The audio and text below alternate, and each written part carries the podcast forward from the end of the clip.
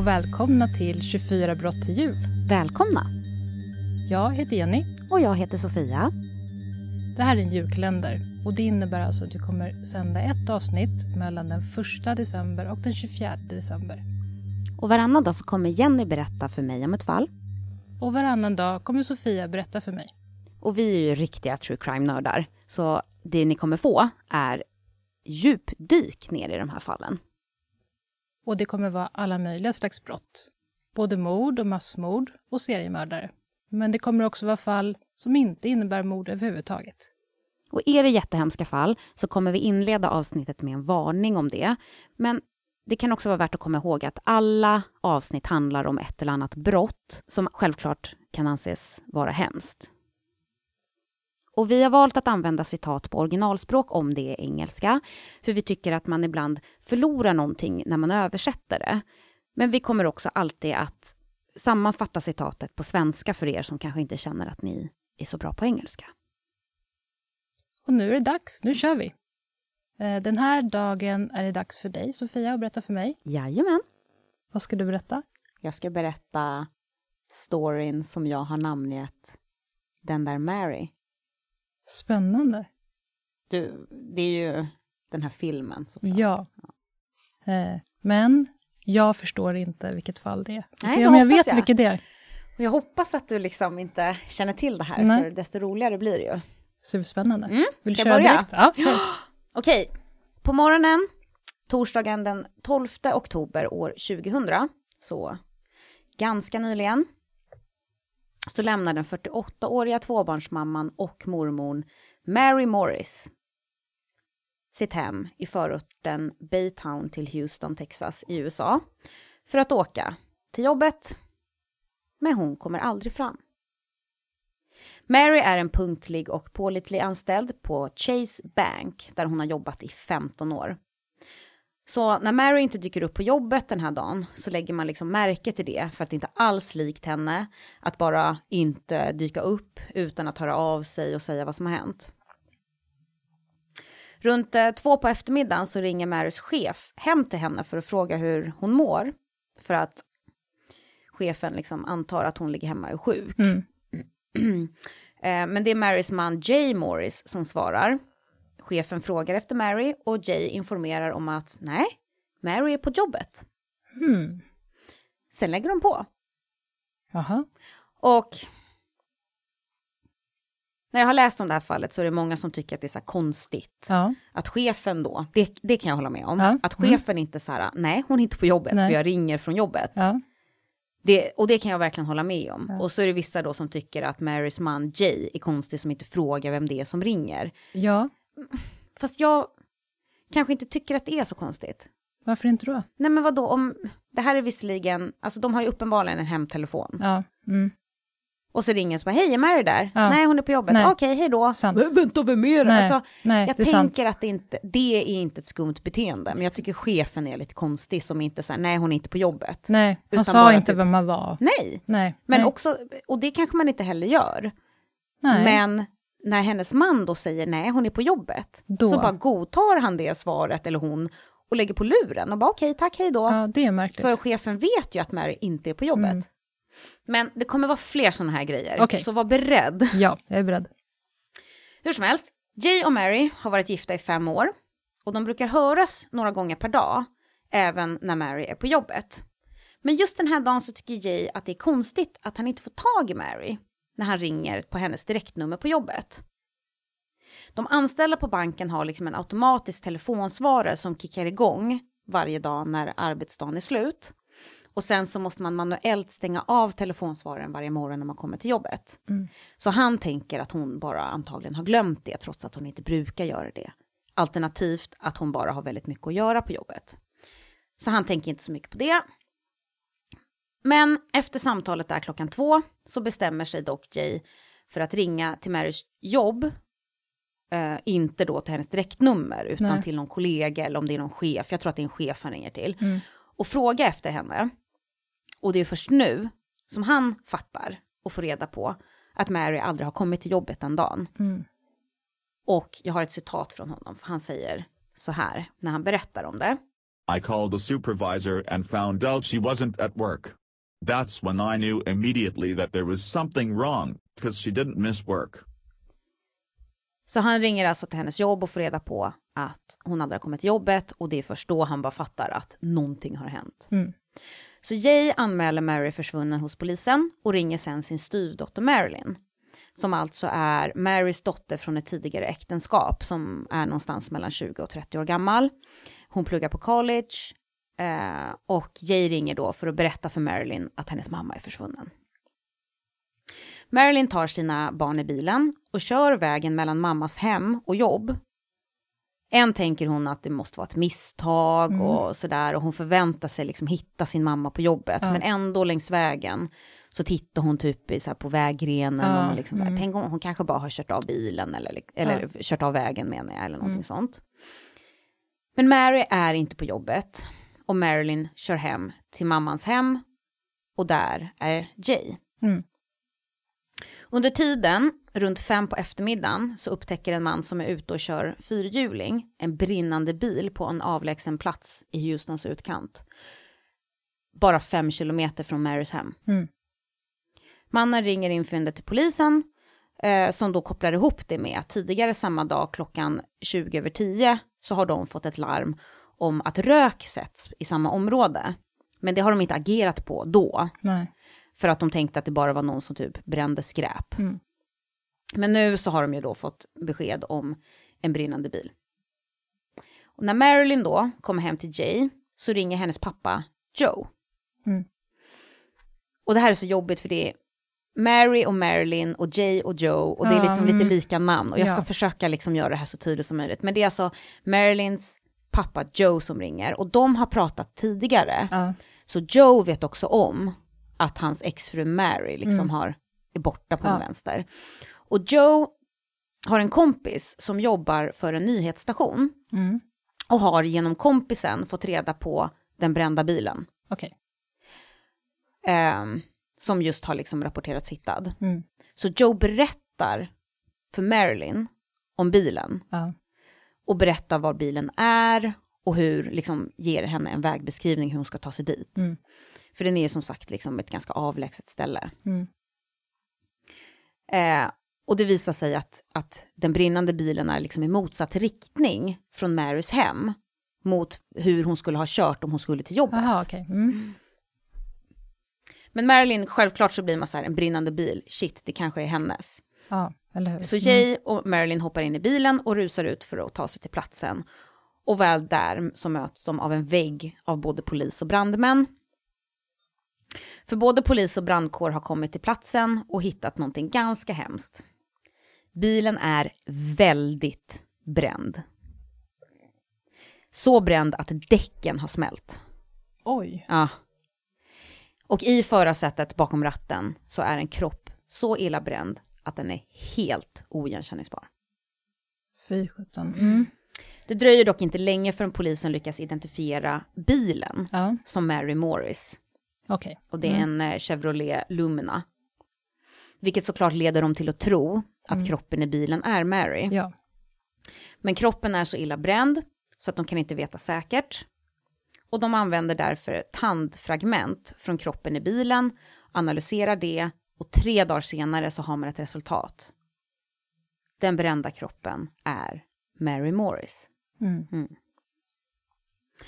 Och nyheten är såklart jätteförkrossande för Marys familj. De har massa frågor och nästan inga svar. Man kan inte fastställa dödsorsaken på grund av kroppens brandskador. Men polisens utredning visar något annat intressant. Marys bil har liksom uppenbart tänts på med någon slags accelerator, säger man så på svenska? Ja, alltså någon jag. slags tänd vätska. Ehm, och man konstaterar därför att det, det är tal om ett mord. Mm. Vidare visar undersökningen att om en något smälta så finns de flesta av Marys smycken Mm. kvar på hennes kropp. Okej, så det är ingen som har, det är ingen liksom stöld eller rån, utan... De flesta smycken. Mhm. För konstigt nog så hittar inte Marys vigselring eller hennes handväska. Okej. Polismän förhör Marys man Jay och frågar honom om tidslinjen för den 12 oktober, alltså dagen Mary blir mördad. Mm. Jay berättar att Mary åker hemifrån i sin bil klockan sex på morgonen. Och då Jay är den sista man vet har sett Mary vid livet och rök från den brinnande bilen rapporterades klockan 20 över 10 på förmiddagen Mm. så vet man att Mary måste ha dött, i alla fall mött sin mördare där mellan 6 och Just det. 20 över 10 Ja. den dagen. Och Jay ser henne köra i samma riktning som hon gjorde varje morgon. Och innan hon är utom synhåll så ser han hur hon svänger av som att hon inte ska köra till jobbet direkt, Mm. utan åka till en bensinmack för att tanka på vägen, vilket liksom inte är helt ovanligt. Nej. Vilket såklart polisen följer upp på. Eh, och de pratar med en person som jobbar på macken. Och han minns en kvinna den dagen som eventuellt kan ha varit Mary Morris. Men inspelningen från över övervakningskamerorna har redan liksom spelats över. Mm. Eh, så man kan inte veta säkert. Nej. Och så är det ju ofta att man har övervakningskameror för typ man ska kunna filma ett inbrott. Mm. Och då vet man att inbrottet har hänt och då Ja. sparar man den liksom filmsnutten. Ja. Men om det inte händer någonting, Nej. för de visste ju inte att det här var en grej som var värt att spara. Nej. Och därför så bara liksom återanvänder man banden. Ja. Och det tycker alltså det är väldigt ofta när man läser om brott att det är överspelat Mm. eller kameror som är trasiga eller... Ja. Eller Ja. bara så här, hur ofta är det någon ställer sig på en stege och bara torkar av linsen Nej. på den där kameran? Eller Liksom, hur? så det är alltid så här assuddigt och ja. Hur som helst. Så polisen har liksom inte så mycket annat att gå på. Och Marys familj och vänner har ingen som helst aning om vem som kan tänkas vilja ta död på Mary, eller varför. Nej. Så vitt alla vet så var Mary utåtgående, omtyckt och helt utan fiender. Marilyn Blalock, som är då Marys vuxna dotter från ett tidigare äktenskap, säger att Mary hade många vänner, en framgångsrik karriär och inga fiender som hon kunde känna till. Och hon berättar så här. There was no reason for it whatsoever. She was just a really good person, you know. Never did anything bad to anybody. They asked about everything from gambling to drugs to affairs to anything, and all the answers were no. Så dottern då, det hon säger är så här att, att hon fick ju frågan kring om det fanns någonting, typ att hon eh, spelade med pengar Mm. eller liksom eh, höll på med droger eller hade några affärer och bara svaret på allt var bara nej, hon hade inga fiender, det fanns liksom ingen anledning. Nej. Fyra dagar efter sin död så begravs Mary Morris den 16 oktober. Och Marys dotter Marilyn vill bestämt se kroppen för att göra liksom det overkliga i att hennes mamma är död Ja. mer verkligt. Mm. Eh, och det får hon ju göra. Mm. Och hon märker då att hennes mammas smycken är borta. Mm. Och det är en jätteviktig grej för Marilyn som vet hur fäst hennes mamma var vid sina smycken. Så hon blir så här, vad är hennes smycken? Hon skulle bli begraven med sina smycken. Ja. Ah, och var helt så här.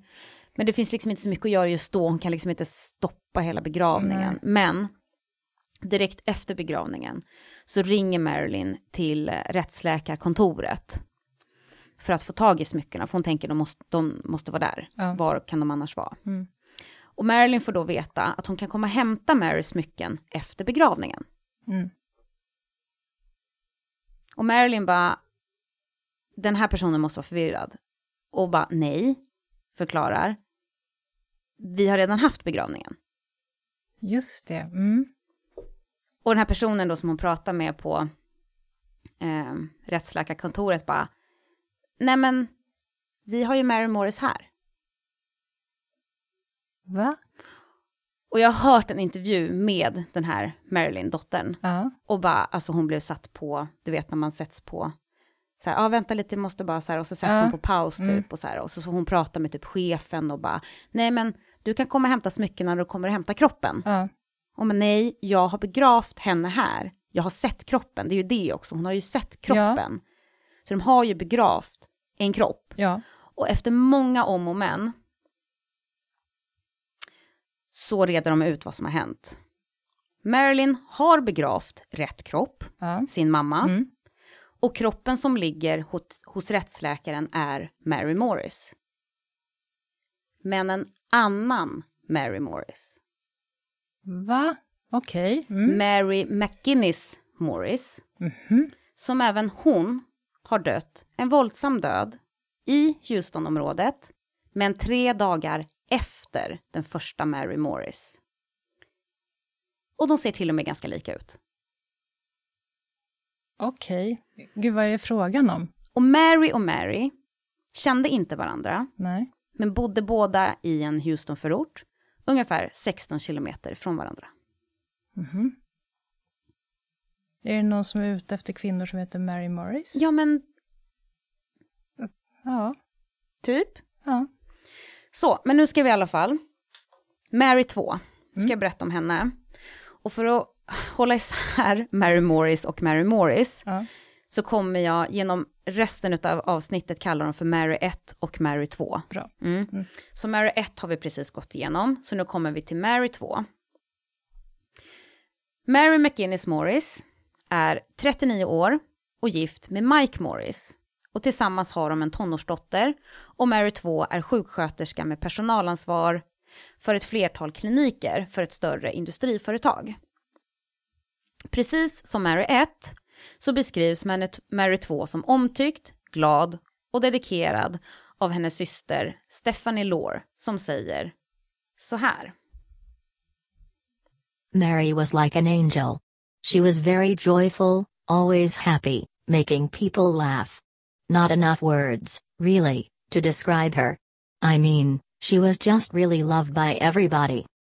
At work, anything a doctor would do, Mary did. She would work 14 hours a day and not think twice, go back in the evening, weekends, whenever she was needed. Så Mary 2 är alltså också omtyckt och liksom hon var, liksom var den här uh, jätteduktig på jobbet, alla älskar henne och hon jobbade sjukt långa dagar om det behövdes och liksom kom tillbaka och gjorde övertid och såna här saker. Så det är det hon säger. Och enligt en kompis då till Mary 2 som heter Laurie Gemmel så går Mary 2 ihop med alla på jobbet förutom en person. En nyanställd manlig sjuksköterska vid namn Dwayne. Och kompisen Laurie Gemmel säger så här, citat. She told me that she was afraid of this person that she worked with. And I said, Do you really think he could hurt you? And she said, Yes, I do, and I think he could do worse. Så kompisen frågar ju Mary 2 typ så här, oj men tror du verkligen han skulle kunna göra dig illa? Ja. Och Mary 2 svarar, jag tror att han skulle kunna göra ännu värre än så. Oj. Men, men du, Mary 2, Mm, du sa att hon hade dött en våldsam död. mm, Vet, vet vi hur? mm, det gör vi och jag Ja. tänker komma till det. Mm, Okej. Utan nu försöker jag bara så här hoppa och göra typ i kronologisk Mm. ordning, lite som jag gjorde med Mary 1. Jag Liksom, att lite så. Mm. Det kommer. Det kommer. Mm. Men inte långt efter den här konversationen, eh, när eh, Mary 2 har berättat för Laurie, sin kompis, om den här Dwayne, så åker Mary 2 till kontoret en kväll för att hämta lite papper och blir jätterädd över vad hon hittar på sitt kontor. Och vännen Laurie berättar det här. She found things out of place on her desk, pictures turned to face the wrong direction. On his desk was written the words death to her, which she assumed was written about her. Mm. Så kompisen berättar då att Mary 2 blir superrädd för att hon kommer in och hittar sitt skrivbord, liksom grejerna är, ligger typ huller om buller, foton har så här vänts så att ansiktet, eller liksom porträttet, Ja. eh, är riktat åt, åt liksom fel håll. Och så ser hon på hans, alltså den här sjuksköterskan Dwaynes Ja. skrivbord, så finns det en text där det står död åt henne. Och hon bara tar för givet att det handlar om henne. Om henne. Mm. Ja. Så hon blir jätterädd. Och även Mary 2s man Mike minns den här kvällen och han berättar så här. She made a phone call to me on her way home and I could tell that she was shaken. She got home and she asked me if I would provide her with a gun to carry with her for her own protection. She asked me to go over the handling and use of the gun. When we were finished, she asked me to place the gun in her car under the driver's seat. Så Mary 2 hittar alltså sitt kontor där. Och eh, på vägen hem när hon kör så ringer hon till sin man. Jätteskakad. Berättar om vad hon har upptäckt och allt det här. Och eh, frågar om hennes man inte kan hjälpa henne att eh, skaffa ett vapen. Och ber honom även typ att eh, kan du lära mig hantera vapnet och hon säger också åt honom att han, att liksom, att, eh, att lägga vapnet under förarsätet Mm. i hennes bil. Dagen efter den här händelsen så kommer Mary 2 in på jobbet och berättar skakad om vad hon har upptäckt på sitt kontor och lappen som hon har hittat på Dwaynes skrivbord. Och hennes chef ber henne att gå hem för dagen, vilket hon gör. Och när Dwayne kommer tillbaka på jobbet så konfronteras han av det här Mm. och blir bedd eh, att gå Ja. och inte komma tillbaka. Okej. Mm. Står sakerna kvar?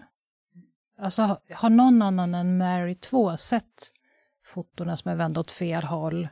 Bra fråga. Det vet jag faktiskt Nej. inte. Det vet jag faktiskt inte. Nej. Jag tänker att eftersom han blev ombedd att gå så Ja. kanske det fanns något typ av spår kvar. Just det, just det. Kanske? Ja, ja. Ja. det är en bra Mm. fråga. Många källor säger i alla fall att Wayne blir avskedad. Mm. Men det blir han inte, för han är liksom inte anställd på den här arbetsplatsen, utan han är anställd via liksom ett sånt här uthyrnings, Bemanningsföretag. ett bemanningsföretag. Mm. Så han får byta arbetsplats, ja, men Mm. han blir liksom inte arbetslös. Nej. Så. Ehm, han blir bara utplacerad på en annan arbetsplats. Mm. I alla fall, måndagen den 16 oktober år 2000 så kommer Mary 2s kompis Laurie till kliniken som Mary 2 jobbar på för att få en allergispruta. Enligt Laurie beter sig Mary 2 helt som vanligt och verkar må bra. Mary 2 säger att hon ska stanna några timmar till på kliniken, sen ska hon göra några ärenden innan hon ska hem och laga middag. Men senare samma eftermiddag så ringer Mary 2 till Laurie och är rädd. Hon är på ett apotek när hon är ute och gör sina ärenden då, som hon sa att hon skulle göra. Mm. Och har där sett en skum person som hon säger gave her the creeps. Alltså typ Mm. fick henne att rysa. Ja. Mary 2 berättar vidare att eh, hon ska tillbaka till jobbet igen, stänga ner sin dator och sen åka hem. Inget varken Mary 2 eller kompisen tänker närmare på. Och jag gissar väl att det är typ sånt som händer. Alltså har man den här kompisen som man pratar med, Ja. du vet, titt som tätt. Då kan man ju ringa och bara, alltså shit, jag såg en sån skum snubbe på apoteket. ja, eller hur? Men det är klart att här- vi, vi, vet ju Ja, att nu hon efteråt, snart kommer ja, dö och mm. då tänker man ju på det. Så därför är det liksom med i storyn. Ja. Men eh, så att i efterhand så spekuleras det i alla fall om att den här händelsen kan ha, ha någonting med hennes död att göra. Mm. För bara 12 minuter efter samtalet till kompisen Laurie så ringer Mary 2 911. Oj. Mm. Samtalet har aldrig släppts, så jag kan liksom inte hitta innehållet någonstans. Nej. Och anledningen till att det aldrig har släppts förklarar detektiv Wayne Coleman hos The Harris County Sheriff Department när han säger följande. We're not releasing the content of the tape. It covers the attack that happened to Mary. And anybody that's ever heard that tape has just had their blood chilled listening to it.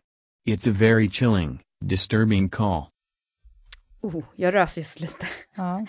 Alltså det han säger är så här, vi släpper inte det här för det är fruktansvärt. Ja. Alla som har hört det eh, tycker att det är jättehemskt att lyssna på och man hör attacken på Mary. Ja. Mary 2. Men det är först dagen efter som Mary 2 hittas död. Och hennes man har däremellan hunnit anmäla henne försvunnen. Mm. Så det är på eftermiddagen och sen så dagen Ja, efter. det. Ja. Mm. Och precis som Mary 1 så hittas hon i sin bil. Så nu kommer vi till den här förklaringen Ja, lite till. Ja. Mm. Mary 2 är 39 år gammal när hon dör i ett avlägset område utanför Houston, 8 kilometer från sitt hem. I motsatt riktning från den hon skulle ha kört på väg hem från kontoret. Ja. Den rättsmedicinska undersökningen visar att hon har blivit slagen och skjutet, skjuten i huvudet med sin egen pistol. Oj. Och polisundersökningen visar att mördaren troligen har försökt få Marys, Mary 2s död att se ut som ett självmord. Men att i alla fall att det, fann, det var planen. Ja. Mm. Eh, men man ser också tecken på slagsmål, eh, som att Mary 2 har försökt försvara sig. Mm. Och man kan snabbt utesluta självmord. Okej. Men det ser ut som att man har så här, att hon ska skjuta sig i huvudet Ja. och att det är liksom, och såna här saker. Mm. Men Mary har ju gjort motstånd, så att de hade kanske en plan om att det skulle se ut som ett självmord. Ja, Men det blev inte riktigt så. Eh, man hittar blod på passagerardörren eh, som var lämnad öppen. Bilnycklarna är utanför bilen och en av Mary 2s ringar är borta. Hmm. Vigselring? Nej, Nej. det är det inte, utan Nej. det är en annan ring, men en som du vet hon alltid bar, Ja. alltså lite den. Mm. Till skillnad från Mary 1, där mordet verkar vara helt oförklarbart, så finns i Mary 2s fall i alla fall två misstänkta. Mm. Och det är dels kollegan Dwayne, men det är också maken Mike. Jaha, varför Mm. då? Det kommer vi till. Jag tänkte vi Mm, börjar ja, med mm. Dwayne, för den känns ju mest, eh, Ja. den, den har vi lite koll på. Eh, Dwayne skulle ju vara ganska galen. Om han skulle mörda Mary 2 för att ha blivit av med sitt jobb, Ja, som han inte riktigt blir av med, eller alltså, han blir inte arbetslös. nej. Men absolut, det kan ju vara så. Ja. Mm. Han har ju trots allt yttrat dödshot mot Mary 2 och mer eller mindre trakasserat henne medan de jobbar på samma arbetsplats. Ja, han verkar ju generellt lite galen. Han verkar generellt lite galen. Eh, och det som har hänt då på arbetsplatsen, det här att de inte har liksom gått bra överens innan det här med lappen och skrivbordet Ja. och bilderna på i hennes kontor, är att han, han är liksom ute efter henne, han snackar skit om henne och liksom såna här saker. Ehm, så ja, han verkar allmänt skum, men mördare, Ja, mm. mm, man vet inte. nej. Dwayne har åren efter händelsen varit ganska aktiv på internet om fallet. Speciellt efter att fallet tagits upp i tv-showen Unsolved Mysteries 2002. Mm. Och jag har letat efter det här avsnittet på internet men Ja. inte hittat det. Nej, det hade ja, varit lite kul mm. att se. För Dwayne gillar inte hur skådespelaren som porträtterar honom Ja. i avsnittet gjorde en speciellt bra tolkning. Okej. Han tycker att han är lite så här uh, over the top och han slår i väggar och fönster och skriker som att han är helt galen. Mm. Och det gillar inte Dwayne. Så det verkar liksom ha väckt ett behov i honom av att försvara sig. Mm. Ja. Och överallt liksom där det här fallet diskuteras så är han där Mm. Ja. för att förklara, försvara sig. Ja. Och därför har vi också hans namn. För liksom Mm. rent, polisen har inte gått ut med det Nej. riktigt, så här, ja, Dwayne så. Men, han har nästan gjort det själv. Han har gjort det själv. Ehm, och frågan är, om han är skyldig, Mm. skulle han verkligen bete sig så då? Det känns lite, lite skumt. Han borde snarare gömma sig då. Hålla Ja, man sig kan ju nästan lite. tycka det. Ja. Liksom. Han är väldigt aktiv. Ja. Polisen säger hur som helst att de kan, det finns bevisning som kan koppla Dwayne till brottet, Mm. mordet på Mary 2. Vad det är vet vi inte. Nej. Han fortsätter i alla fall vara misstänkt. Mm. Till skillnad från Dwayne så har Mary 2s man Mike Morris aldrig pratat offentligt om mordet. Nej. Aldrig kommenterat något på internet. Och även Mike verkar lite skum. Och deras äktenskap verkar inte ha mått jättebra. Mm. Okej. Men det är också lite rykten. Så vi vet inte. Hur som helst, när Mary 2 och Mike flyttar till Houston två år tidigare så sker det för att Mary har fått ett jobb där. Mm. Och Mike hänger mest bara med. Och jag vet inte om han hade ett jobb som han liksom blev av med, eller om han aldrig hade ett till att börja med. Nej. Men hur som helst så verkar han liksom haft svårt att hitta jobb i två år. Ja. Eh, under veckorna som ledde upp till Mary 2s död så verkar läget ha blivit lite värre i äktenskapet då Mike hör rykten om att Mary 2 har ett vänsterprassel. Och han konfronterar dem med det. Ja. Alltså både Mary 2 Okej, och, och- den här person X Ja. som jag inte vet vem det är. Nej. Men han säger dock att han litar på dem, för de såg så ärliga ut i ansiktet Mm. när de båda sa att det inte fanns någonting opassande i deras relation. Nej. Men det vet vi inte. Nej. Men vi vet heller inte om han hade ett vänsterprassel. Nej. Och jag vet inte vem den här andra personen är som sagt, men det finns källor som säger att Mary 2 ska ha berättat för vänner att hon har träffat någon, att hon är kär, men att hon inte tänker lämna sin man på grund av deras dotter, Mm. som är tonåren. Polisen förhör både Dwayne och Mike, Dwayne som misstänkt på grund av hans skumma beteende. Men Mike blir bara kallad till förhör hos polisen i egenskap av vittne. Mm. Men blir misstänkt då polisen tycker att han beter sig så konstigt under hela skedet. För Mike berättar för polisen att han har varit på bio med sin dotter under tiden för sin eh, frus mord. Men låter inte polisen prata med hans dotter. Och själv vill han absolut inte prata med polis utan en advokats närvaro. Och anlitar dessutom en strax efter sin frus död. Oj. Ja. Och detektiv Wayne säger att vittnen sällan behöver en advokat, utan det Nej. är misstänkta som gör det. Ja. Mm. Mikes förklaring på det här, det är att han har fått råd av vänner att ha med sig en advokat. Inte för att han har någonting att dölja, men för att det alltid är bra att har någon med sig som liksom har lite koll på processen, lagar och rättigheter och så. Och jag köper lite det. ja, jag med när jag hör det liksom uttryckas så. Ja, och också lite så här, de har en tonårsdotter. Ja. Hon har precis blivit av med sin mamma Ja. i ett brutalt mord. Mm. Nej, jag köper lite det. Alltså Ja. är man helt oskyldig, jag köper det. Också det här med, för att man har ju också hört folk som är så här, blir liksom insnärjda i, i liksom, de är helt slut och jättepåverkade rent Ja. känslomässigt och sen så säger de någonting som blir feltolkat och Ja. så vidare och så vidare. Så jag köper det, men det tas ändå upp i alla källor som jag, när jag läser om det här fallet, Ja. så är det så här, det här är ett skumt beteende. Och han blir också misstänkt av polisen. Så jag måste ändå ta upp det. Men jag personligen kanske inte tycker att det är jätteskumt. Nej, det känns hyfsat. Men, men vet de vem av Marysarna dog först? Mary 1. Mary 1. Och vet Mary 2s poliser och man om Mary 1s död? Ja. Hmm. Okej. Kanske inte... Alltså, så här, det, alltså Mary 1 dog tre dagar innan Ja. Mary 2. Mm. Och de tre dagarna däremellan kanske de inte visste om det. Nej, Så. men sen när hon... När Mary 2 hittas död, då vet de om att Mary 1 har dött. Och då, Fallen kopplas ihop, Ja, ja. mm. Mm. Eh, Mary 2s man, då, då Mike. Eh, han vägrar dessutom att ta ett lögndetektortest. Mhm. Och hans förklaring på det är följande. I was on anti-anxiety medications, I was on antidepressants. I wasn't really sure that the polygraph examination that they were talking about could adequately compensate for all of those conditions. Han menar alltså att han är liksom orolig för att ett lögndetektortest eh, inte skulle kunna visa korrekt resultat med tanke på den medicin som han går på. Ja.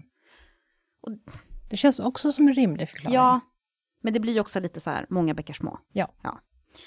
Eh, dessutom så finns det en livförsäkring värd 700 000 dollar på Mary 2, Ja. där Mike är förmånstagare, Mm. vilket polisen absolut ser som ett möjligt motiv från Ja. Mikes sida. Mm. Och i dagens pengavärde i svenska kronor så är det ungefär 10 miljoner. Oj. Ja. Och vet man om, är den väldigt liksom, nytecknad eller vet man inte det? Det förtäljer inte riktigt historien Nej. tyvärr. Nej. Eh, jag vet inte det. Nej. Och jag vet heller inte om det finns en liknande livförsäkring på Mike. Nej, just det. För det är ju Nej. också en grej. Ja. Ja. Mm. Eh, Detective Wayne säger om den här livförsäkringen eh, att det absolut är ett möjligt motiv. Och han säger så här. There was a large amount of life insurance on Mary Morris, and like Morris was the beneficiary. There were a lot of reasons, right there, in the way of a motive for Mike. Så han menar att det finns ju ungefär 700 000 anledningar, Ja. kan man tycka. ja. Mm. Det ser lite mörkt ut för Mike. Det gör ju det.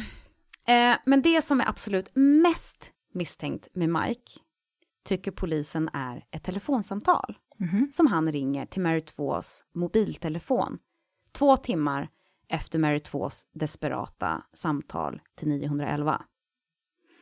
Enligt Detective Wayne så varar samtalet i fyra minuter baserat på information som polisen har fått från telefonbolaget.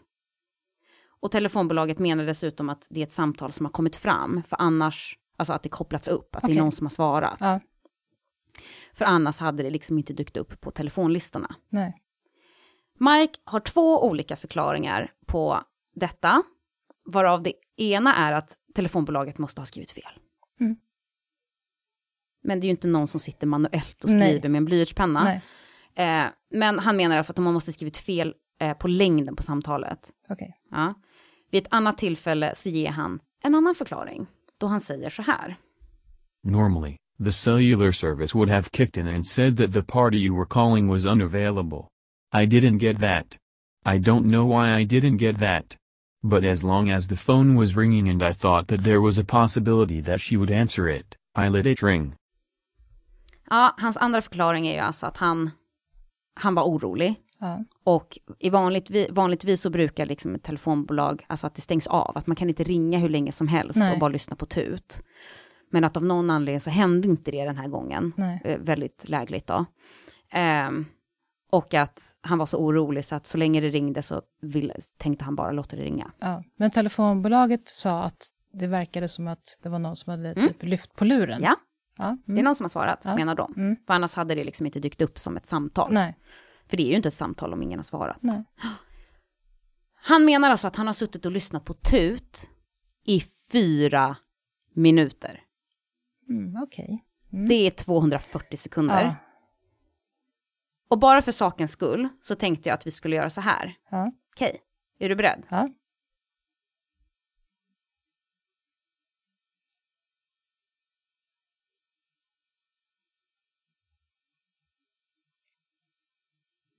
Tio sekunder.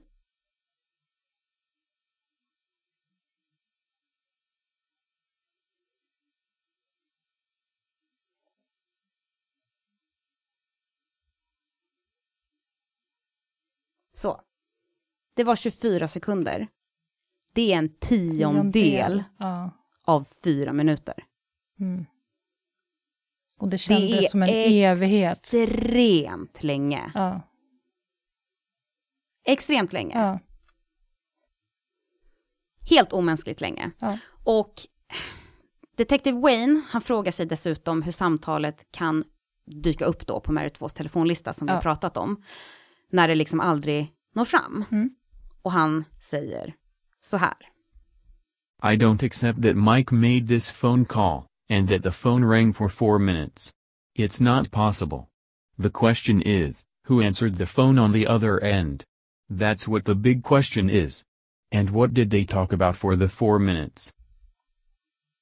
Polisen tror alltså att Mike har ringt Mary 2s mobiltelefon och att någon har svarat. Mm. Frågan är vem? Ja. En annan skum grej med telefonsamtalet är att de flesta telefonbolag alltså bryter ett obesvarat samtal efter typ en minut. Mm.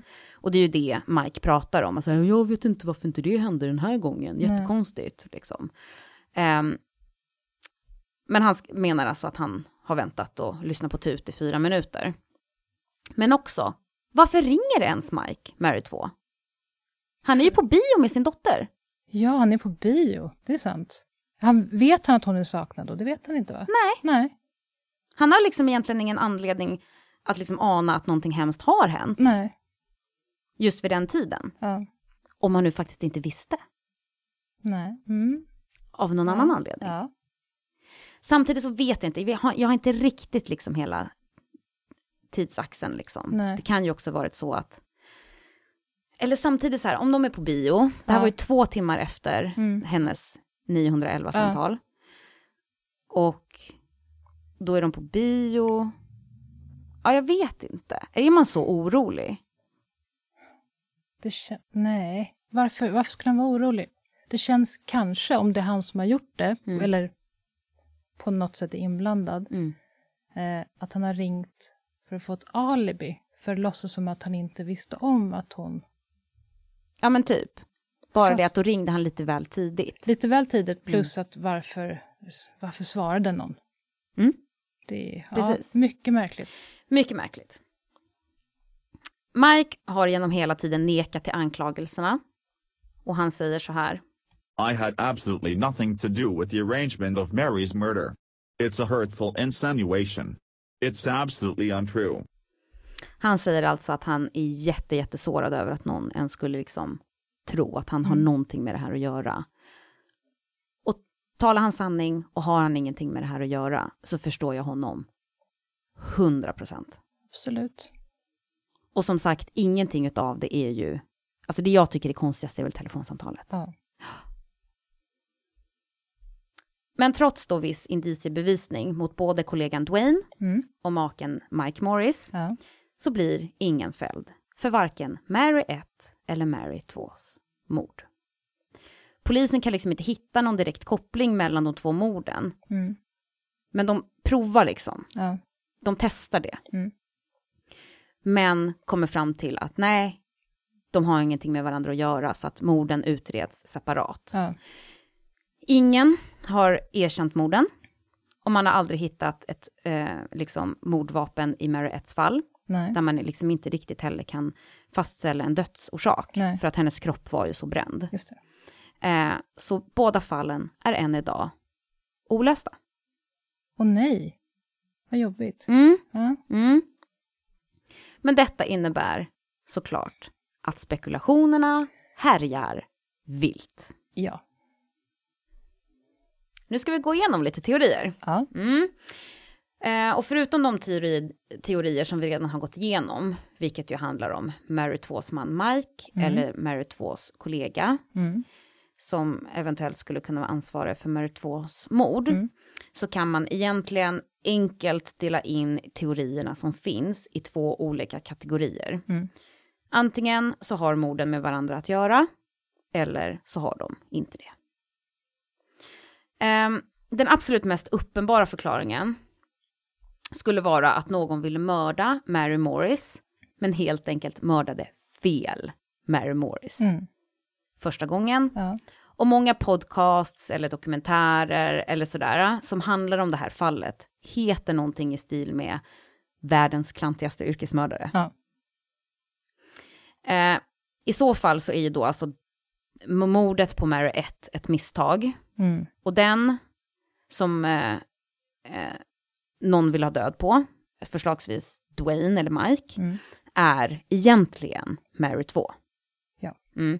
Och mordet på Mary 1 är ju det som liksom presenteras som det mest oförklarliga. Mm. Och när det gäller Mary 2 så finns det ju faktiskt misstänkta. Ja.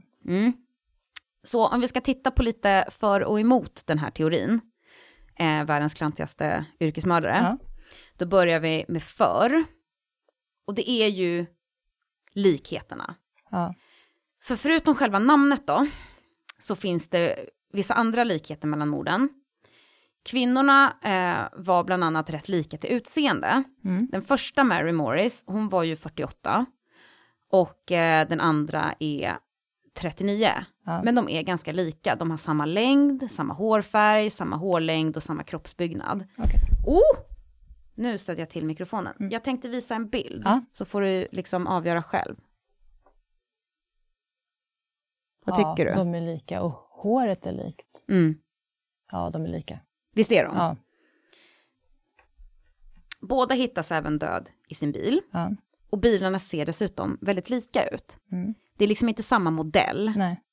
men är man inte duktig på bilar så de är väldigt lika. Man Mm. kan absolut ta miste på dem. Liksom.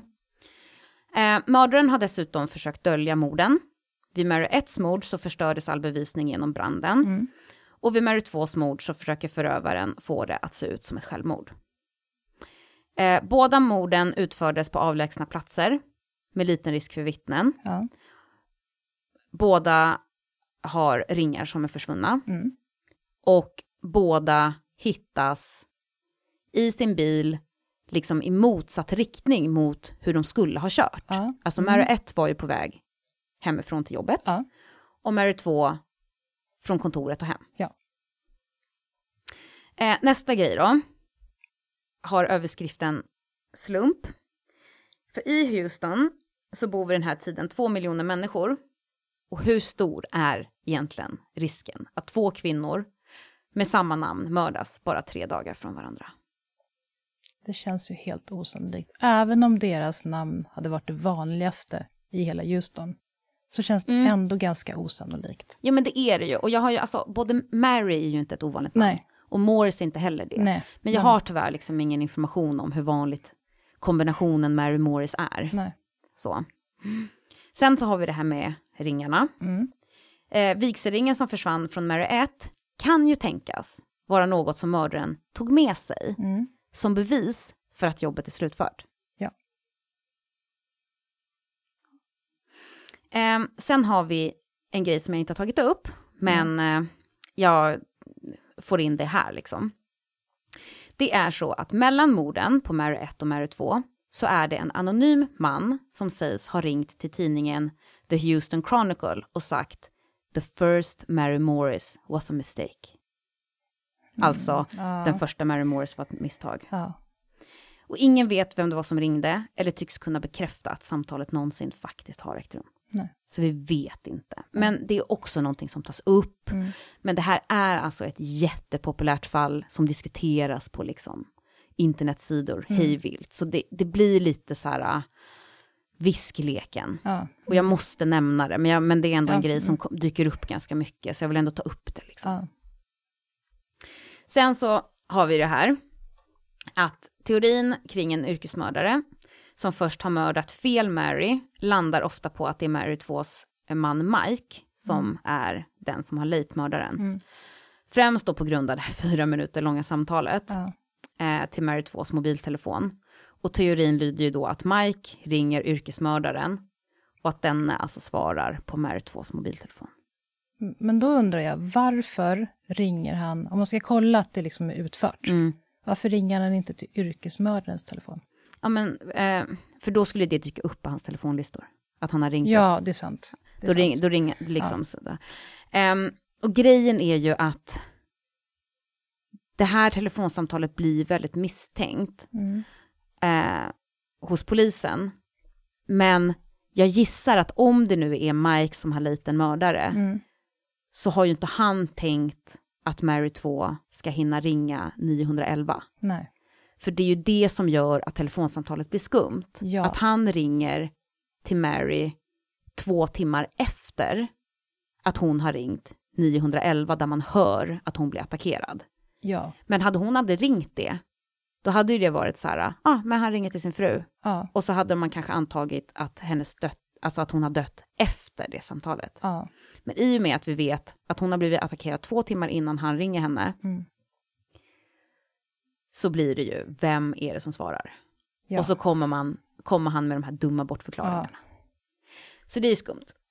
Dessutom så är det ju då vissa involverade, alltså inte bara du och jag eller andra på internet som sitter och, sitter och liksom spekulerar på avstånd, Nej. utan det är folk som är direkt involverade i fallet, som tror att de liksom har med varandra att göra. Mm.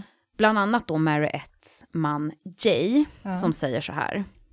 The astronomical odds that two Mary Morrises were killed three days apart, very similar in looks, to me, that's what it is. Astronomical odds that they're not connected. Och även Mary 2s kompis Laurie håller med. Hon, det är hon Laurie som vi har hört från. Det är hon som berättar det här om Dwayne och den här skumma personen på apoteket och Ja, så. just det. Och hon säger så här. I can't help but think they have to be related.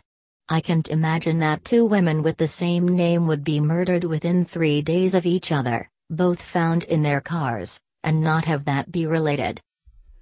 Så båda två helt enkelt tror ju att det är liksom, det är, det, det är för liksom, det kan inte vara en slump. Nej. Att de ser likadana ut och att de blir mördade liksom så tätt in på varandra Mm. och att de har samma namn och så vidare. Ja. Men om vi då ska titta på eh, listan liksom emot Mm. Den här teorin. Så kan vi inleda med världens klantigaste yrkesmördare. Ja. Är det inte lite väl klantigt?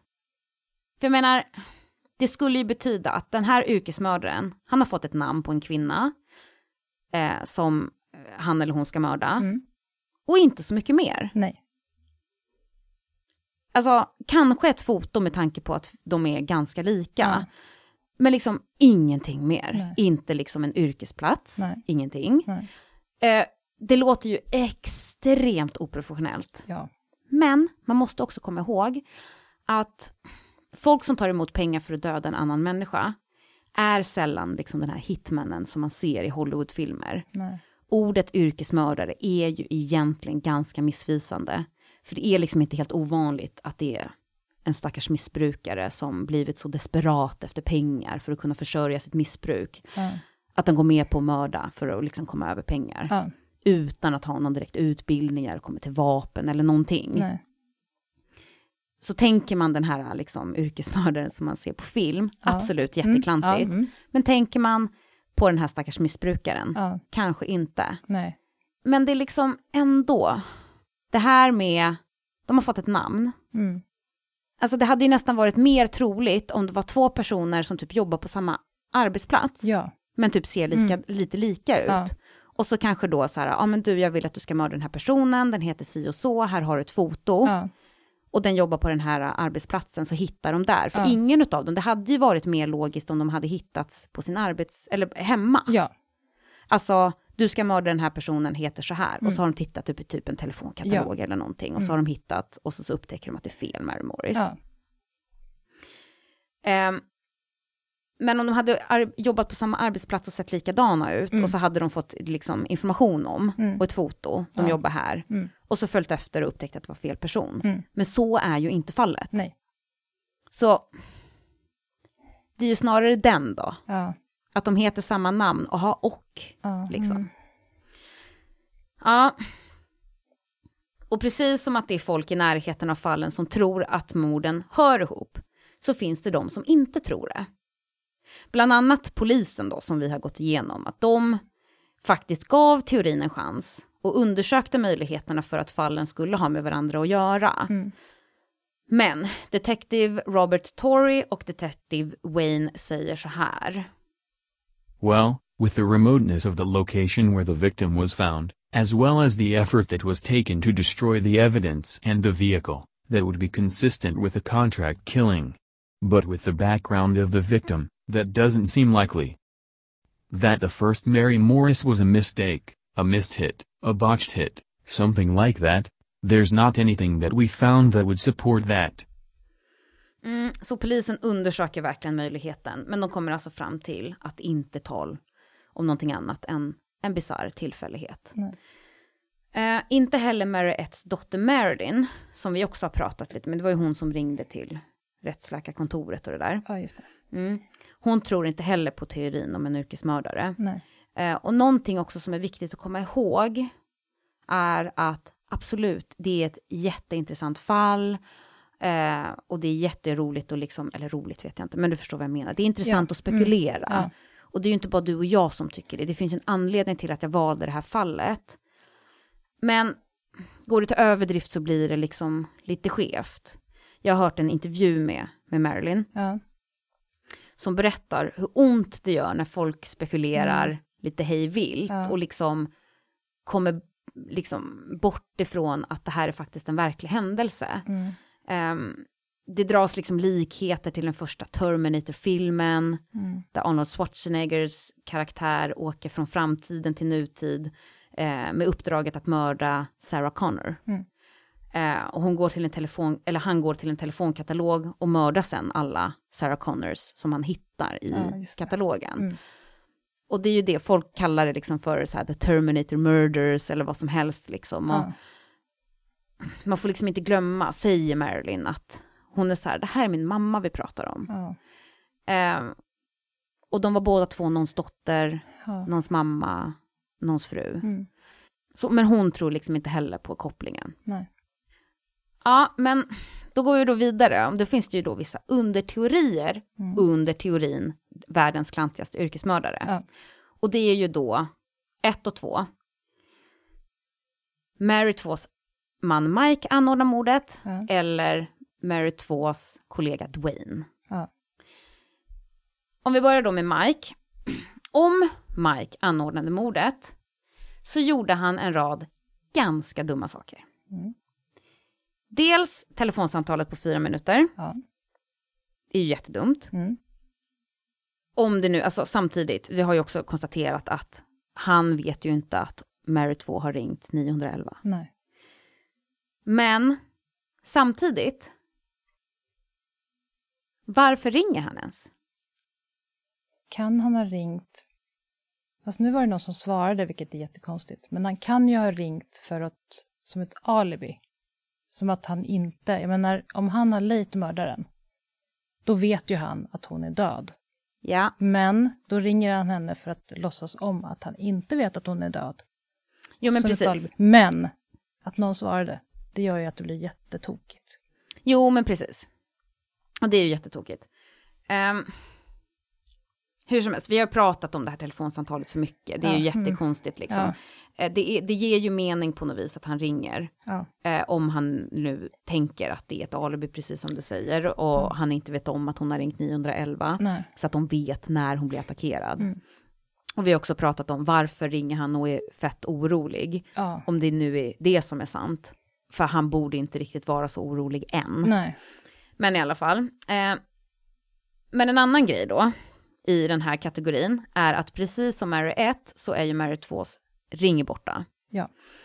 Men vittnen berättar ett tag efter mordet att de har sett parets dotter Ja. bära ringen. Och när Mike konfronteras med det så säger han bara, ah, jo, ah, men jag hittade den eh, och jag glömde meddela det. Okej. Och har dottern blivit tillfrågad om ringen? Alltså han vill ju inte att någon ska prata med henne. Nej, just det. Just det. Och jag har inte hört någonting om att det här, alltså att hon ska ha pratat med någon eller varit ute i offentligheten efter det här. Nej. Liksom. Vet man vilken hand ringen satt på? Mm, vet inte. Nej. Det, alltså det vet de säkert, men jag vet Ja, inte. nej. Ehm, och det är också ganska klantigt om det är liksom en grej och att mördaren, alltså tanken är ju att det är jättedumt att mördaren ska ha tagit ringen för, som bevis på att hon är död, Ja. för då ska den ju vara borta. Ja. Men det kan ju självklart också vara så att den här ringen som hon då var känd för att alltid ha, Ja. alltså, det, alltså folk har ju sådana smycken, man har alltid på sig Ja. liksom. Ehm, att hon då liksom av en händelse inte skulle ha den Mm. just den dagen, det är Ja. också skumt. Ja, ja, det är i alla fall det som är lite skumt med den teorin och då går vi vidare till att det då ska ha varit kollegan Dwayne som har anordnat mordet. Han bör ju liksom ha vetat Mary 2s rutiner då de har jobbat ihop, vilket liksom talar för teorin. Mm. Men det stora problemet är timing. Ja. För det man tror är ju att Dwaynes motiv skulle vara att han är jättearg på att Mary 2 liksom ska vara orsaken till att han har behövt byta arbetsplats. Mm. Problemet är ju att han har tvingats byta arbetsplats efter att Mary 1 dör. Jaha, det var däremellan. Japp. För Mary Mm. 1 dör på torsdagen. Ja.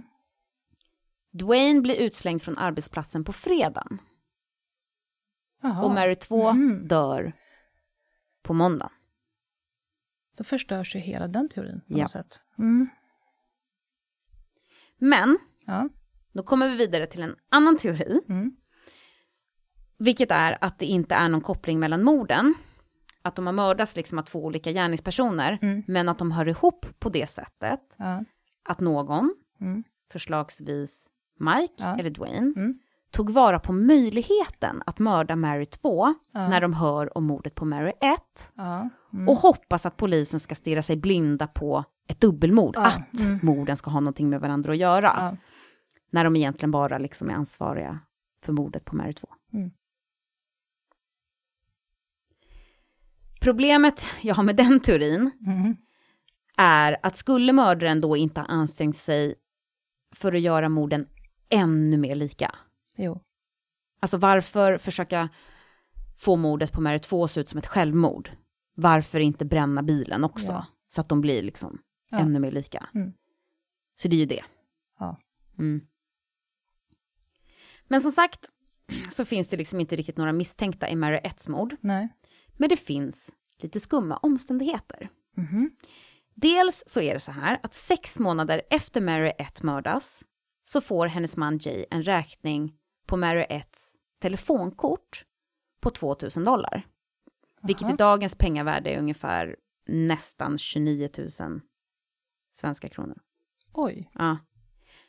Eh, polis spårar fram en 16-årig tjej i Galveston, Mm. vilket är en ö utanför Houston, Ja. så inte jättelångt bort.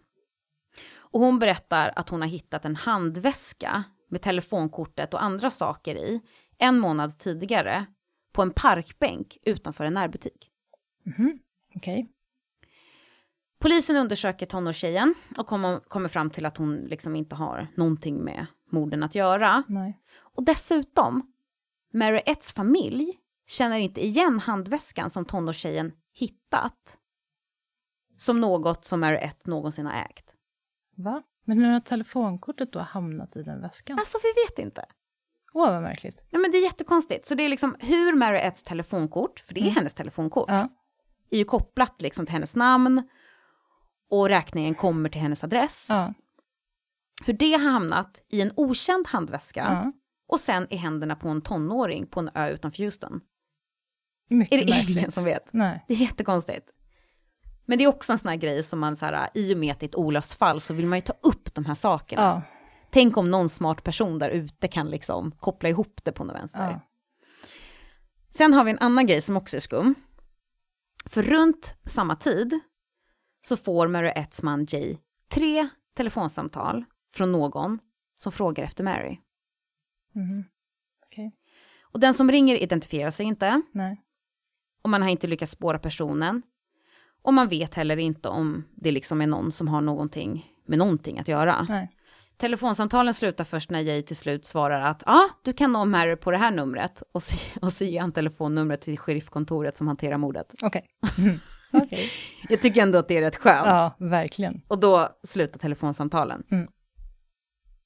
Och då går vi då till Jay, tittar Mm. lite närmare på honom då. För om vi, det är alltså Mary Etts man. Ja. Han är liksom inte helt solklart oskyldig. Nej. För i en intervju så berättar Mary Etts dotter Marilyn hur hon la märke till lite konstiga grejer som hennes mammas man gjorde i samband med och efter Mary Etts död. Okej. För dagen som Mary Ett inte dyker upp på jobbet så ringer ju hennes man, mammas man Jay till henne och berättar om situationen. Marilyn pratar med sin pappa Joe som har fått information om en bränd bil.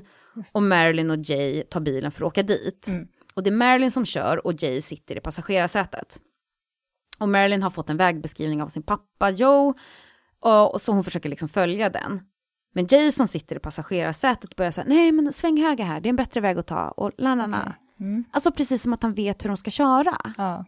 Men det låter ju också väldigt korkat. Det låter jättekorkat. Ja. Men jag, Mm. jag vet inte, Nej. för det är hon Mm. som har fått informationen. Ja. Men man vet han kanske, jag vet inte, har han fått informationen någon annanstans ifrån? Ja, mm. ja vem vet? Nej, ingen Men- vet. Nej. Men hon, det här är också någonting som hon berättar. Ja. Dessutom då, så gör sig Jay av med Mary Etts prylar innan Marilyn ens hinner gå igenom dem. Och Oj. Marilyn har en bror Ja. från, ehm, som, är, som är liksom eh, helbror. Ja. Eh, men när hennes föräldrar skiljer sig så bor hon hos Mary och Ja. hennes bror bor hos deras pappa Joe. Ja. Så hon är ju liksom väldigt nära sin mamma. Mm. Så hon tycker det är jättekonstigt. Hon hade ju jättegärna velat ha möjligheten att gå igenom sin mammas grejer. ja, visst. Men Mary Etts man bara gör sig av med skiten. Vilket också är konstigt, för att om ens fru dör, Ja, då brukar man säkert ha ganska svårt att göra sig av med hennes saker ja men också helt så här oväntat. Ja. Det är ju inte som att hon har varit sjuk länge och sen Nej. till slut går bort liksom. Och han, men han vill också liksom skynda på att få alla papper gällande arv och så avklarade så fort, mycket, snabb, mycket snabbare än Marilyn kände att hon var redo för. För Ja. hon sörjde ju att hon, hennes mamma var död. Ja, såklart. Ja, dessutom så gifter eh, Jay om sig med en ung kvinna från Ryssland snabbt efter Mary Etts död. Mhm. Eh, om Marilyn minns rätt så var det liksom inom ett år efter Mary Etts död. Oj, då ska han först hunnit sörja och sen hunnit träffa henne och sen gifta sig Ja, på ett år. Ja. alltså, Mm. och nu, jag skrev det inte i mitt manus här, men när jag hörde den här intervjun, eh, så, så om jag fattade det rätt, så var det också så här, alltså den här kvinnan, hon kommer från Ryssland, alltså Ja. hon flyttar till USA för att gifta sig med honom. Oj. Oj. Det var intressant. Alltså Mm. jag, ja. Eh, samtidigt så är det där med hur man reagerar i en situation är väldigt, väldigt olika. Ja, jo. Alltså man sörjer olika det finns liksom inget rätt sätt att reagera på Nej. när en när och kär person liksom blir brutalt mördad. Nej. Och det gäller ju både Mary 1 och Mary 2s eh, män. Ja. Och det säger också Marilyn, hon, hon är ju medveten om det. Mm. Men hon, det är hon som berättar de här skumma grejerna. Ja. Eh, om vi fortsätter då lite med Jay. Mm. Så tillfrågas han av polisen att göra ett längddetektortest precis som, som Mike, Mm. alltså Mary 2s man. Ja. Vilket han, precis som Mary 2s man, inte går med på. Jaha. Och Marilyn tycker att hans förklaring är jätteskum. ja. För han säger att när han var tonåring och jobbade i en liten matbutik så blir han och de andra anställda tvingade att göra lögndetektortest efter att någon liksom har snott pengar ur kassan.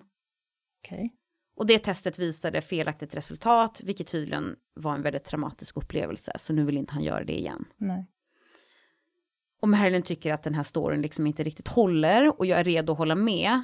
För vilken liten butik, ens idag och än mindre vid den tiden när Jay var tonåring, Mm. har liksom eh, kapaciteten att liksom, eller liksom har ens möjligheten att kräva lögndetektortest. Det låter väldigt märkligt. Ja, men Och det är låter... jättekonstigt. Alltså en liten närbutik nere om Ja. hörnet bara, nu ska vi köra lögndetektortest, vem har det liksom i lagerhyllan? Nej. Nej, det låter skumt. Ja, Mm. så det tar hon också upp. Ja. Men det som dock Marilyn berättar som gav henne rysningar, Mm. Det var att eh, hon och Jay Ja. sitter och polisen pratar med dem båda två tillsammans. Så Ja. hon hör ju polisernas frågor även till Jay och hon hör även hans svar för hon är närvarande. Ja. Och det är ett samtal som, hö- som liksom hölls strax efter att de har fått reda på att Mary, J- eh, Mary 1 är död. Och en av frågorna är om någon av dem någonsin har varit på platsen där bilen hittas. Är det liksom en plats de åker till ofta? Är det någon, har de någon koppling till den här platsen helt Ja. enkelt? Och det är ju liksom en legitim fråga. Ja. Och Jay svarar då att ja, jo men han har varit på den platsen. Eh, samma morgon som mordet hände faktiskt. Nej. Jo. Jaha. Och Marilyn blir ju helt så förskräckt över hur han är så här lugn och sansad när han berättar om det. För hon känner att hade varit hon Ja. Så hade hon ju varit helt förtvivlad Mm. över liksom att hon har varit i samma område samtidigt som hennes mamma precis ska, håller på eller precis har blivit eh, brutalt mördad. Ja. Alltså tänk om jag hade sett något, tänk om jag hade kunnat ingripa, tänk om jag kunnat göra något och gjort någon skillnad. Ja. Så det är liksom det hon förklarar i den här intervjun är liksom något av det värsta som hon tycker bara är superskumt. Ja, och dessutom tänker jag att han säger det när han får en direkt fråga om det. Men om det hade varit så att... att alltså varför har ni... Det är en typisk sak som man skulle säga själv. Alltså, Ja, berätta. ja, när de säger att hon mördades här och här, då ska man säga, men gud, där var jag i Ja, morse. precis. precis. Men att inte säga det. Nej, Samtidigt, varför säger han det överhuvudtaget? det är också märkligt. Det, alltså, Samtidigt, han kanske är rädd för att de hittar några spår av honom där. Ja. Men det är liksom... Det är det. Har du, vad, vad tänker du? Vad tror du? Alltså jag tror ju att jag har löst det. Nej! Jo. Berätta! Fy vad roligt! Jag tror att eh, Mike har med att göra, eh, Mary Tvås eh, man. Ja. Eh, jag tror så här. Han har haft en affär Mhm. eh, med en annan kvinna och han har haft det ganska länge. Mhm. Eh, och då var den här typen att hon har sagt, eller han har sagt att han ska lämna Mary Ja. till älskarinnan. Men här- han har liksom aldrig kommit till skott. Nej. Den där klassiska, att han egentligen inte vill lämna men vill fortfarande älskarinnan kvar. Ja. Eh, till slut har hon fått nog. Och antingen så har hon bara tagit saken i egna händer, Mm. eller så har han varit i maskopi, att Ja, han har varit med ja. på det. Eh, men hon har på något sätt råkat mörda fel Mary. Mm. Eh, och Just det, för hon behöver ju kanske inte ha stenkoll på hur nej, hon ser ut. nej, hon vet Med väl tanke typ på att ungefär. han, hon träffar ju honom, men Ja. självklart inte hans fru. Precis. Ah. Men däremot så är det lite så här, att hur, hur hittar hon henne? Alltså, Just det. så. Eh, men det, för mig är det, det, det hänger på. Det är ringen, att det är något känslomässigt. Hon Ja. ska ha bort. Hon ska inte längre vara gift Nej. med Mike. Eller som det första då var Jay, men hon trodde att det var Ja, Mikes fru. just det, just det. Eh, att jag tänker att det är det som är anledningen. Men sen finns det ju jättemycket som talar emot. Mm. Men Men det är det det gör liksom i alla teorier. ja, och vet du vad jag tänker mer? I förlängningen så Ja. tänker jag att jag till och med vet exakt vem älskarinnan är. Nej, Det är Laurie, är det så? Mary 2s eh, kompis. Eh, och anledningen till att jag tror det, Ja. det är att hon börjar ju prata om Dwayne. Det är Just hon det. som skyller på Dwayne hela tiden och säger att Mary har sagt det här och det här. Och det är hennes liksom rökridå. Fy vad jag gillar det här, det är ju jätteroligt för att så här, det här är ju ett, ett väldigt tacksamt fall. Ja. Det är många podcast som har tagit upp det Ja. och det finns liksom blogginlägg och jättemycket på Reddit och såna här saker. Och jag, helt jag har inte läst allt, Nej. verkligen inte, men jag har för mig är det ganska lätt att researcha genom att lyssna på podcast, Ja. bara för att få en känsla av det, kanske också få lite så här eh, idéer kring hur jag själv vill lägga upp mitt avsnitt Ja. och så. Eh, och det får jag gärna genom att liksom lyssna på, på, på andra, andras upplägg. Ja. Och inte bara liksom läsa texter. Eh, den teorin har jag inte hört eller sett någonstans. inte. Nej, Nej. jag gillar Vad det. spännande. Men samtidigt kan jag tänka på det som Mary 1s dotter Marilyn, att hon Mm, sa, mm. eh, sa det här att jag kan känna lite att jag är lite respektlös. Ja, ja, och det var där jag kände samma sak, Ja. alltså i mig själv. Ja. För, för att man sitter ju nästan så här, och det låter ju hemskt, men jag tror att alla fattar vad jag menar, eller du fattar i Ja. alla fall vad jag menar Jenny. Att man sitter så här och gottar sig Ja. och bara oh my god, vilket fall! Och blir helt så här. Och det var därför jag kände att, kanske också för min egen skull, att ta med den biten, liksom att det är jätteroligt att spekulera och det är också lätt att sitta här i Sverige och spekulera kring någonting. Det hände ju inte jättelänge sedan, nej. men ganska länge sedan, vad var det, 2002 Ja. tror jag. Så det är ändå x antal år sedan Ja, och eh, det hände liksom på andra sidan jordklotet. Ja. Så det är lätt att sitta Mm. här och liksom prata om det som att det är en, en, en film man har sett. Liksom. Men, men det var också för att påminna mig själv om att ah, det här är fruktansvärt. Och jag Ja. fattar. Alltså hade det jag varit i hennes situation, alltså jag vill inte ens... Jag vill inte ens föreställa mig att jag skulle kunna vara det, men jag, jag köper det. Och det var Ja. verkligen så här, jag kan, om det är någon som vill lyssna på den podcasten, för det var en podcast med, med hennes eh, intervju i, Ja. då, så den går att hitta överallt ja, det var liksom hjärteskärande. Man hör på, i hennes röst där, hon bara, she was my mom. Och jag bara, alltså det kändes i hjärtat när hon sa det. Jag bara, ja det är faktiskt rätt. Men mm, Men ett fascinerande fall. verkligen. Och avslutningsvis, Ja. jag har inga fler teorier. Jag har Nej. liksom tömt ut Nej, allt. Ja, jag. Jag gillade lite den här teorin, om man nu får säga gilla, om en teori i det här fallet. Ja, Det här med att det är någon som har tagit tillvara på möjligheten. Alltså det är lite Agatha Christie över det. Att liksom, aha, någon Mary 1 har dött. Ja, Ja, men vänta. jag passar på. har- Ja, precis. Och så. Och det var lite så här, ah, Ja. lite smart. Men återigen, det håller inte riktigt. Men det, det är nog den som jag liksom fastnade mest på och kände så här, just det. ja. Mm. Men hur som helst så är liksom, båda morden är olösta. Mm. Och polisen meddelar att både Mary 2s kollega ja. och Mary 2s man inte blivit avskrivna. Nej. som misstänkta. Men eh, närmare svaret på gåtan än så kommer vi inte komma. Åh. Tack. Det var superspännande att lyssna på. Var det det? Ja, det var det. Alltså jag tyckte det var jättespännande och jag hoppas att det inte blir hur krångligt som helst. Alltså dels det är Mary och det är Mary och det är Marilyn och det är Jay och det är Joe. Ja. Eh, jag gillar så här, Dwayne, okej det var ett namn Ja, som var liksom hur? olika Ja. mot alla andra. Men också alla teorier hit och dit, fram och tillbaka. Ja. Eh, och så vet jag ju, det är ju flera som jag har hört det från och som liksom, de uppskattar inte riktigt olösta fall. Nej. Men jag kunde inte låta bli och jag ville också att det skulle bli inte bara samma liksom fall varje dag. Nej. Så jag valde faktiskt medvetet, ja men det är kul att jag i alla fall har med ett olöst fall. Ja, och det här var ju väldigt speciellt. Det, var, det Ja. är ju det, Mm. fruktansvärt speciellt och det vore ju väldigt intressant att få en lösning. Ja, verkligen. Så vi får hålla ögonen öppna. Mm. Det kommer nog komma ut ganska mycket om det, för att det är ett väldigt populärt fall. Ja. Men jag hoppas att det var nytt för eh, några av er som lyssnar också. Det var nytt för dig. Det var helt nytt för mig. Fy vad bra, Ja. vad roligt. Ja. Men hörru du, jag tror att vi måste avsluta. Ja, tack så men, eh, jättemycket. Ja, men tack själv. Tack för att du lyssnade och tack för att ni lyssnade. Tack för att ni har lyssnat. Ja. Mm. Vi hörs imorgon. Det gör vi. Ja. Hej Hej då. hej!